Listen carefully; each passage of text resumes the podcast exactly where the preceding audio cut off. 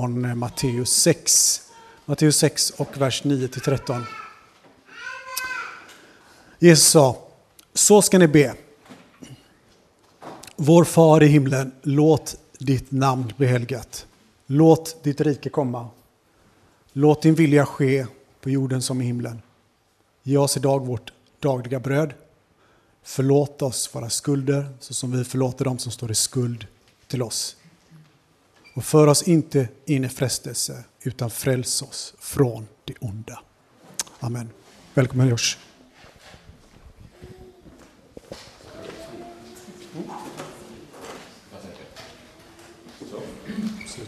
It's like a Pierre-sized.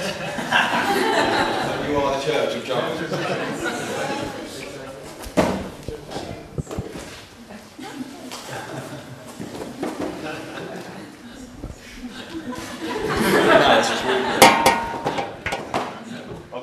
Long enough. You tie up a little bit. There we go. Good.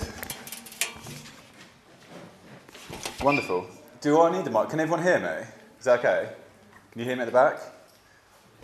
Do I need to go like this? Oh, okay.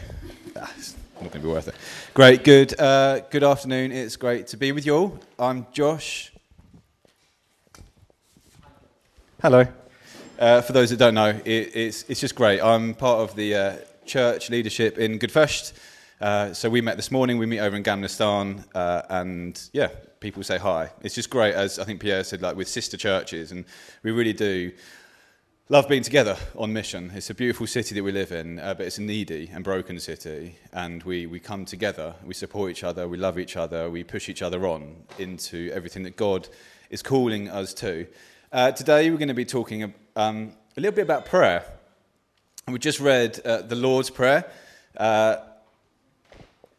but I'm just going to be speaking about one word from the Lord's Prayer. And I wonder what you feel when you hear that we are going to be talking about prayer.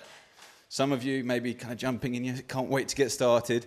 Others of you are thinking, oh, kind of, it's prayer. Maybe it kind of feels like there's a point to prayer, but it's dull.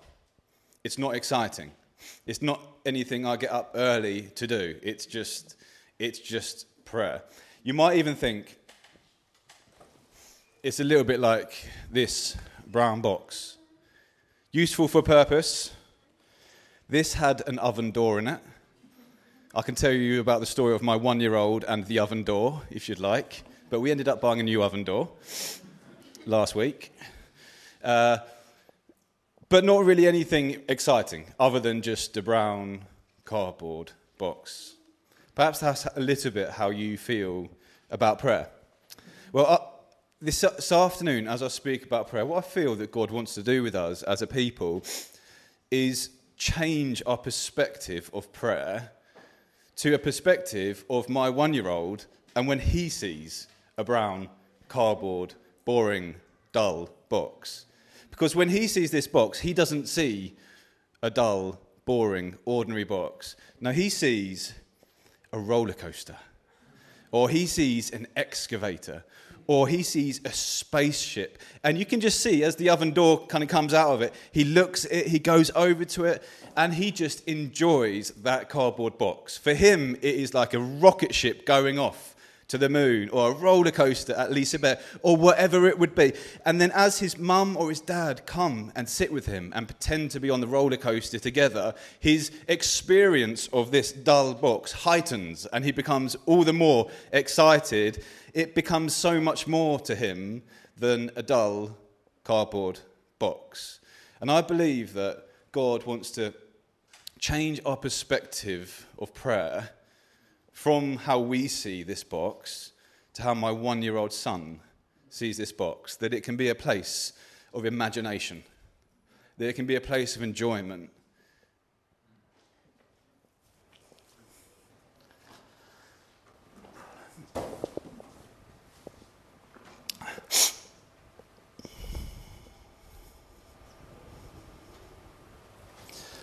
Okay, you're going to have to forgive me. I've had quite an emotional morning.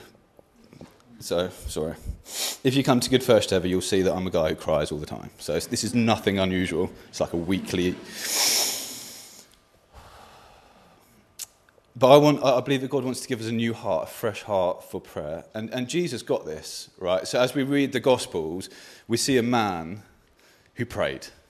He went to the quiet place and prayed. He went to the mountain and prayed. He got on a boat to go over the side to pray. He shut the door to pray. Jesus got prayer, and that is why he taught his, uh, his followers to pray. Because they saw something in Jesus and they said, I want to want to learn how to pray like you do. And in Matthew 6, in fact, it's not coming off the back of a question that happens in Luke, teachers to pray. In Matthew 6, he, people were just around him. He's like, look, this is how you should pray. And he opens up this prayer by saying, Father, Father, Abba. Now, has anyone heard this prayer before? Put your hand up if you've heard this prayer before. Okay, everyone's heard this prayer before. Has anyone heard this prayer more than 50 times?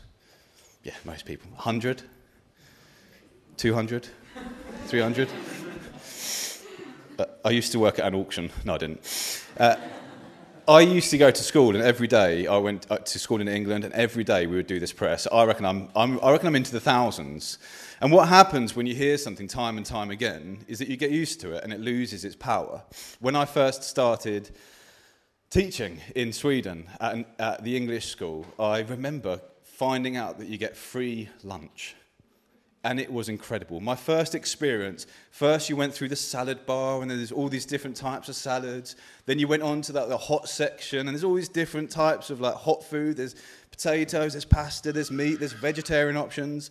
Then the freshly baked bread and then the olive oil. It was just an incredible Michelin star experience for my first one.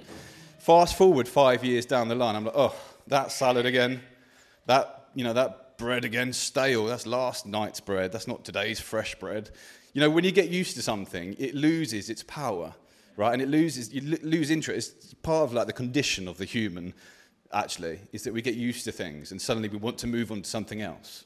We could look at Genesis, actually, and Adam and Eve, and talk about that, but we're not going to. But there's something about that in the human condition. And when we hear Father, having heard it 50, 100, 200, 1,000 times, it kind of just goes off our head like free school meals if there are any other teachers here or once being in school. I think what we mustn't do is miss the gravity of what Jesus was saying. We need to refresh ourselves and realize exactly what Jesus was saying when he said Father. So, to the Jews, does God exist? Wouldn't have been a question. Alpha is an amazing course. Get your friends on it, go to it, it's brilliant. But the question for a Jewish Alpha wouldn't have been, Does God exist? Everyone knew God existed. They saw him as in Exodus 13, we read this story of, of God leading the Israelites through the desert with a cloud. He exists. God is there. We can literally see him or in the night by fire. He is there. We can see him. We can literally see God. The question wouldn't have been, does God exist? The question would have been, is God knowable? Can you touch him? Can you feel him? Can you experience him? And Jesus, with these words that just go over our head, answer that question with a resounding yes. Father. God is knowable, and he is knowable as a father. Abba. Which fascinatingly, instead of using the Hebrew language, which would have been the sacred language of the day, you'd have prayed in Hebrew, you'd have heard texts. you know, I'd have been speaking now in Hebrew. I'm sure Joel can come and do that. I can't do that, so I'd have been sitting, standing here very quietly. But actually, instead of using the sacred language, Jesus uses his language, his heart language, Aramaic. And he, he opens the door. He said, It's no longer about sacred languages, it's about relationship. It's the language of the heart that he uses. For me, that's English, Swedish for many of us, Spanish for some of us, and other languages. And Jesus opens this door just by saying Abba in Aramaic, that it's a relationship a child to a father. Abba, Papa, Padre, Father. And so we mustn't miss the impact. God is our Father. Now, sadly, for some of us, the reality of even hearing that, I'm aware, can produce painful memories about our earthly father. And, uh, and that can bring the question does that mean that God is like my earthly father? Perhaps you didn't know your earthly father. Perhaps you did know your earthly father and he wasn't good. I think even for those of us in this room who are able to say, yeah, I knew him and he was a good father, everyone's father would have had shortcomings. Everyone's father would have got angry when he didn't need to, or broke promises, or said hurtful things. None of us have the understanding of the perfect father. And so when Jesus says father, it's really important that we um, that we understand his definition of father. And we find that in Luke 15, where there's this story about a, a, a, a young man who kind of has got everything he could ever wish for, except he wants more. And so he says, Dad, not interested in you, don't want to be in your presence, don't want to be in the presence of my brother. I want my inheritance. And the father, in just like a loving, grace filled, sacrificial way, says, okay. And, and, the, and the boy, the son, runs away with half of his, well, his inheritance, half of the father's inheritance, wishing the father's dead. Because that's what you're doing, isn't it? If you're asking for your inheritance, you're saying, I wish you were dead, I just want your money. And wastes it, spends it on lavish living, and just wastes it all. Until one day he has got so low that he is in the pigsty not able, even able to eat the food that he is feeding to the pigs. Which, again, if we understand Jewish customs, we understand that's a very low place to be. And then he starts to think, I remember my father's servants. They have a roof over their head, they have food on the table, perhaps. Perhaps. And so he goes to his father's estate. And as he's kind of walking, thinking, wondering, should I turn back? Should I go back to the pigsty? There's this, blob, this person coming towards him in the distance, running. That can't be my father because Middle Eastern wealthy men do not run. And as he comes closer, you can even see his knees. That definitely can't be my father. Middle Eastern knees, uh, men do not show their knees. And then suddenly he is smothered with the embrace of a father who has been looking out for him every day on his rooftop. When will my son return? And he wraps him in a cloak and he puts a ring on his finger. And before he can get close, he shouts to the servants, Kill the fattened calf. We're going to have a party today because my son, who was dead, is now alive. This is Jesus' definition of Father outrageous, outrageous grace, never ending love, always looking out for the prodigal who has chosen and wished that he was dead, chosen their own way. Jesus' definition is the Father is full of love, full of grace, full of mercy. We've got to get our heads around that picture of Father that definition of Father when Jesus prays, Abba. That is his definition boundless grace, unbreakable love. And friends, that is the Father that we come to. We've got to understand that. The Father we come to, who Jesus says, This is how you pray, is a Father of love, a Father of grace, a Father who wants our best, a Father that even when we have been prodigals, which we all have been, and we all still kind of choose our own way, even so, He loves and He wants our best. And the rest of the Lord's Prayer, and indeed prayer itself, only makes sense if you understand this. I believe prayer can only be transformed if we understand our relationship between the Father and us as His children. Because if we are able to say, Our Father, Abba, both, mean, both means the Aramaic translation, both Father individual and our Father, corporate. It's a corporate thing that we can say.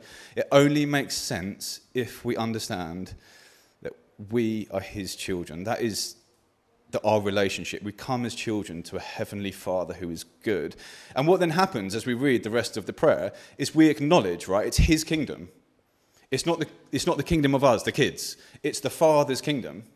We acknowledge that. Our Father, are, your kingdom, not, not my kingdom. Suddenly we, culture can try and shape us, can't it? And we say, no, your kingdom, not my kingdom, not this kingdom here, your kingdom come. We say, give us today our daily bread. We, we say, as children, we can't ourselves provide for ourselves, but Father, you can. You are the good Father. I come as a child to you. Give us today our daily bread. Lead us. Protect us. I'm not going to lead myself. That would be a very, very bad thing. Thankfully, my wife is not here, but you would be able to ask her. It would be a bad thing if I was leading myself. But no, God, lead us. Protect, again, I can't protect myself. I'm a child. He is my father. He will protect me. Protection isn't on me, it's on him.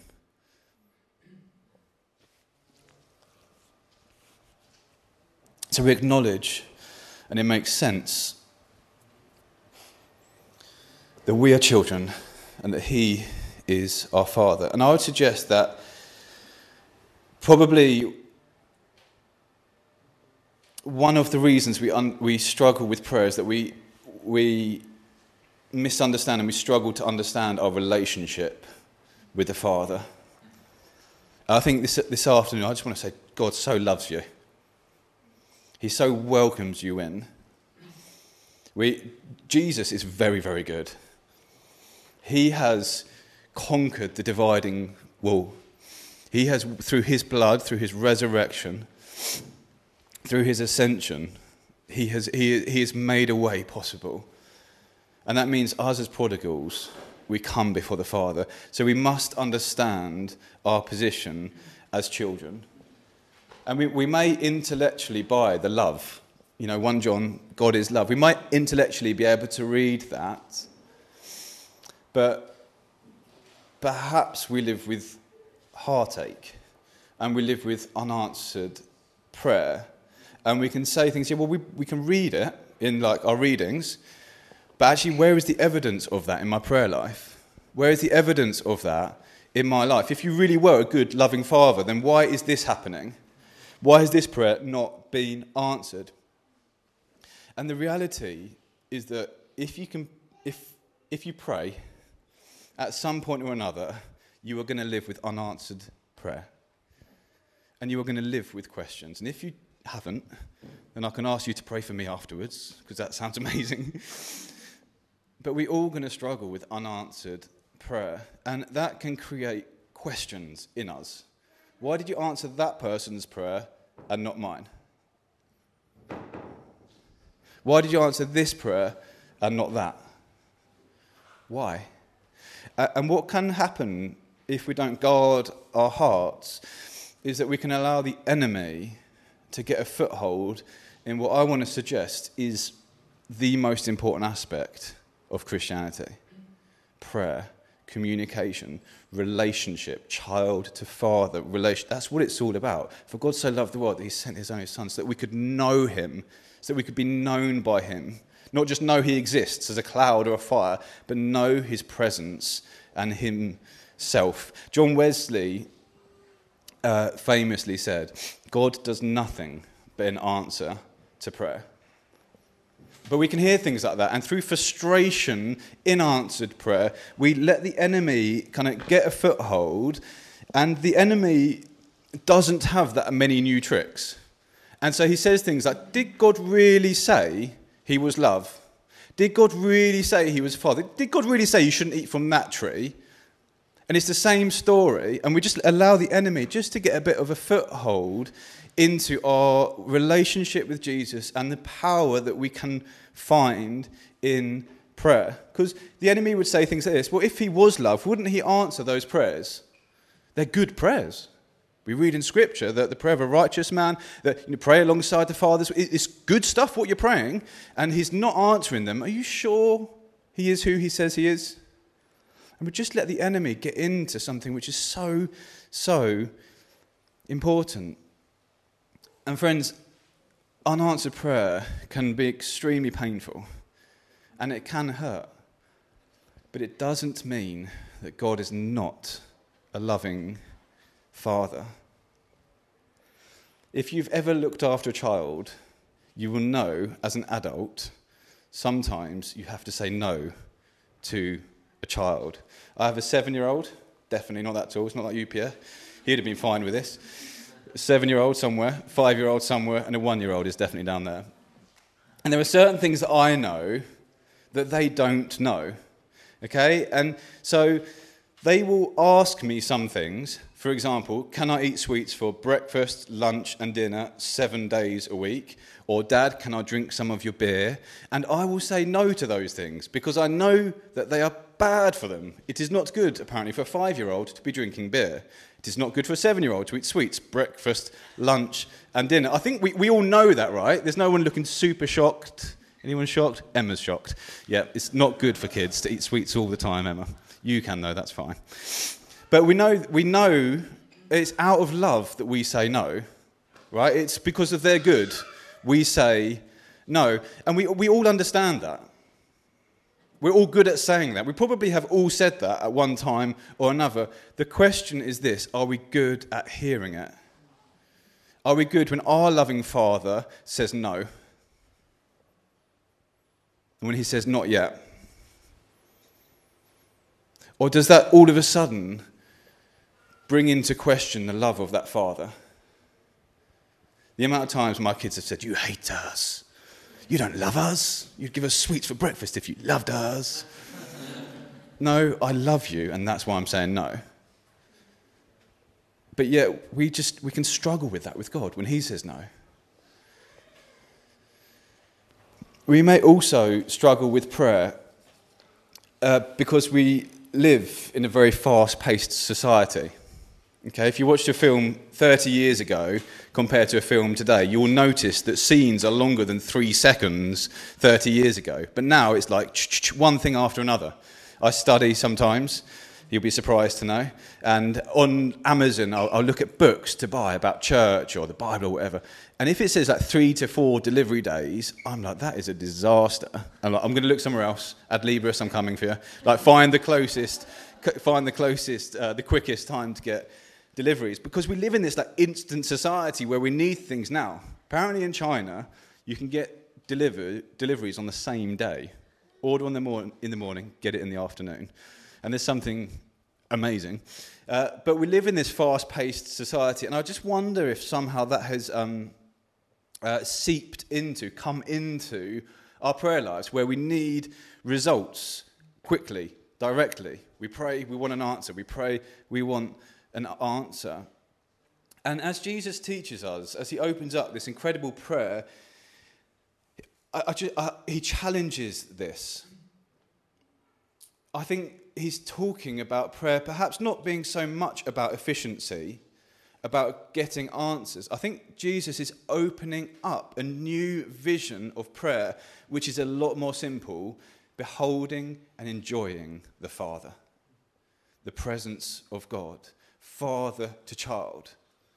And so it's not necessarily about results. Sometimes it's like Mary and Martha, the story of Mary and Martha. And Mary takes the better portion. She sits at the feet of Jesus. And I wonder whether prayer, we've just been put to, um, shaped by our culture, and prayer is actually a lot more simple in a way and a lot more beautiful. Just sitting at the feet of the Father, enjoying His presence. And friends, that is not a waste of time. That is not a waste of time. It's not like we're going to sit at the, at the feet of Jesus, we're going to enjoy the presence of the Father for a little bit. We'll sing a couple of songs. We'll look, and then we're going to get onto the meaty stuff, the prayer list. Got quite a big prayer list to get through. That's the really important stuff.